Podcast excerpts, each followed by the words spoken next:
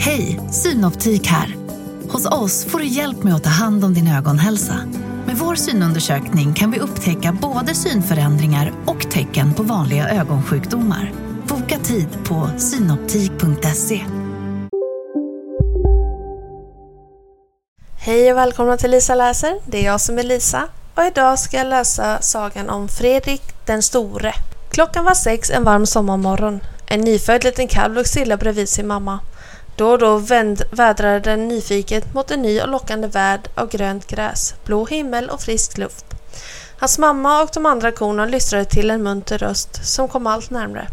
Den lille kalven lyfte på huvudet och försökte kravla sig upp på sina vingliga ben. Det var 11-årige Kent som kom genom grinden. Kent fick syn på kalven och tvärstannade. Han log ett stort soligt leende mot den lilla kalven men när han kom närmare sänkte modern huvudet och fnös hotfullt. Pojken blev rädd och hoppade kvickt över grinden. Han rusade upp för stigen och ropade Morbror Karl, skynda dig, kom genast! Han är född nu och han ser ut som en liten hjort. Kent kom tillbaka med sin morbror. Han är verkligen vacker, sa morbror Karl. En verkligt fin liten tjurkalv. Men du får inte gå för nära honom. Korna är mycket upphetsade och hotfulla när de precis har fått sin första kalv. Kents morbror klappade kon vänligt för att lugna henne. Så tog han kalven i famnen. Vill du hjälpa mig att bära honom till laggon? Kent tog varsamt tag i den mjuka, varma kroppen och så gick de till laggon. Vad ska han heta? frågade morbror Karl. Kent funderade ett slag. Vi har så många som heter Ferdinand. Ända till Ferdinand den femte, sa han. Kan han inte få heta Fredrik?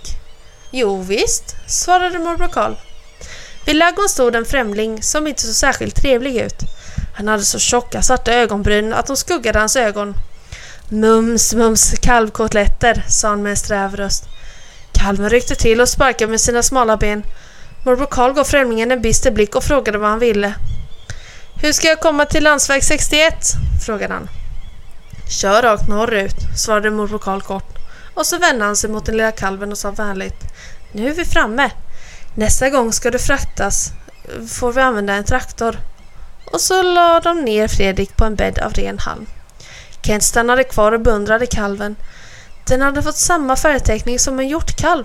En glänsande fuktig nos som var trubbig i änden. Han hade milda bruna ögon och silkeslena öron. Nu måste jag hjälpa morbror Karl med din mamma, viskade han till kalven. Sen ska jag lära dig att dricka ur en hink. Jag kommer snart tillbaka till dig. Fredrik låg och dåsade i den trevliga laggon. Han rynkade nosen och vädrade. Det luktade gott av klöver och han kände doften av varm mjölk. Nu ska du få mjölk Fredrik, ropade Kent som kom stormande in i ladugården med en hink i handen. Kalven försökte resa sig, men benen bar honom inte. Då satte pojken sig hos honom och lutade hinken så att kalven kunde ta en klunk vid sidan. Sedan förde han ner kalvens huvud i hinken och snart drack Fredrik ljudligt av den varma mjölken. Efter en stunds vila fortsatte de och snart hade Fredrik druckit upp all mjölken. Från och med nu ska jag ta hand om dig, sa Kent. Det var jag som hittade dig och du är min favorit. Det fanns en stor inhägnad åt kalvarna. Där kunde de skutta omkring och leka när de blev större. Och därifrån kunde de se gårdens andra djur och vänja sig vid bilar, traktorer och andra lantbruksmaskiner. När Fredrik var två månader gammal släpptes han ut i inhägnaden. Han sparkade med bakbenen i luften och såg förvånad ut när han lyckades hamna på alla fyra. Men hur upptagen han än var av leken hörde han alltid på långt håll när Kent kom och då stod han alltid vid grinden och väntade. När han på morgonen steg upp från sin halmbädd sträckte han på sig allt vad han orkade och varje gång tycktes han växa en liten smula. Sedan rusade han ut till spannmålsmagasinet där Kent gjorde i ordning kalvarnas frukost. En skyffel mjöl, en skyffel havre och två skyfflar torkad majs. En morgon när Kent och morbror Karl höll på med sina sysslor kom en bil körande in på gården och stannade vid laggården. En stor kraftig kar med en brun filthatt neddragen över öronen gick fram till inhägnaden. Fredrik rusade fram till inhägnaden för att bli klappad av främlingen. Men det var tydligt att Fredrik inte tyckte om den mannen. Kalven tvärstannade, rullade sina stora ögon runt, runt och visade ögonvitorna. Sedan slog han bakut och rusade tillbaka in på tomten med svansen stående rakt ut. Mannen brydde sig inte om Fredrik. Han lutade sig mot stängslet och tittade in i den andra inhägnaden där tjurarna höll på att äta sin majs. 28, 29, 30, 31 räknade mannen för sig själv. Fina tjurar ni har, sa han när morbror Karl kom fram till honom. Jag är kreaturhandlare och jag skulle vilja köpa ett lass tjurar. Kan du skicka dem till marknaden nästa månad? Nej, alla mina tjurar är redan beställda, sa morbror Karl kort. Kent stod bakom honom och han hade blivit mycket blek. Han stod med armen kring Fredriks hals. Jag menar alla utom den här skyndade sig morbror Karl att tillägga och så klappade han vänligt Fredrik på huvudet. Var det förresten inte ni som var här tidigt i somras och frågade efter landsväg 61? frågade morbror Karl skarpt. Nej, det var inte jag, svarade mannen och blev röd i ansiktet. Jag har aldrig varit här förut. Nåja, adjö då. Det var synd att ni inte ville sälja genom mig. Jag får alltid de bästa priserna.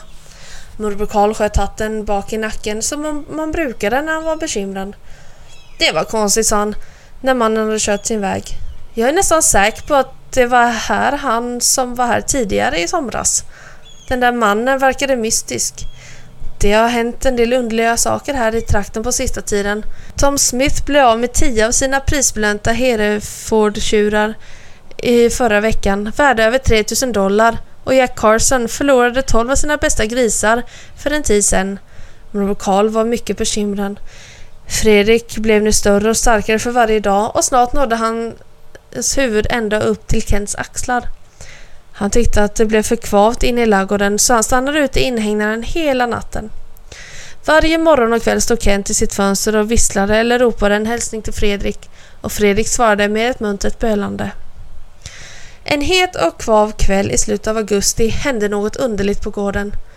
Det började som en helt vanlig kväll. Kent ropade godnatt till Fredrik från sitt fönster. Så lekte Fredrik en stund med de andra kalvarna och de knuffades och låtsades stridslystet stånga varandra. Snart släcktes ljuset där uppe i huset. Både djur och människor gick till ro och allt blev mörkt och tyst. Fredrik brukade sova till solen gick upp. Men nu vaknade han plötsligt mitt i natten. Han reste sig sömnigt med öronen på helspänn.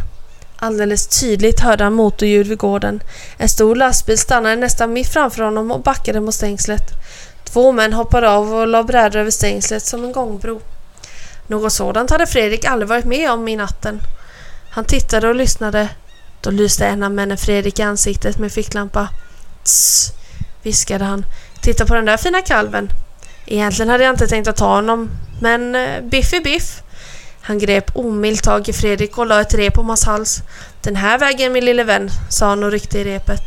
Den andra mannen föste på bakifrån. Han vred om svansen på Fredrik och det gjorde ont. Männen drog och föste Fredrik upp för brädorna. Kalven förstod att de ville honom illa och plötsligt hände något. Fredrik var lite rädd, men mest av allt så var han arg. Med en fnysning ryggade han och stångade till den man som ledde honom. Kvickt vände han sig om och stångade också den man som gick bakom honom. När det var gjort slet han sig också lös och hoppade ner från brädorna och sprang till inhägnandets mitt. Bo, bo, bo, bölade han det värsta han kunde. Nu tändes ett ljus i ett fönster. Bo, bo, bölade Fredrik igen. Och från laggården svarade hans mamma. Bu, bu. Så kom ett öronbedövande bölande som ekade i hela gården. Det var Fredriks pappa som bölade av alla krafter. Nu vaknade hela gården upp. Hästarna gnäggade, grisarna grymtade, tupparna gol och hönsen kacklade. Snart lyste det i hela huset och alla lampor tändes utomhus. De främmande männen sprang till sin bil och körde därifrån i rasande fart. Ut genom köksdörren kom Kent rusande i bara pyjamasen. Åh Fredrik, Fredrik, allt väl med dig?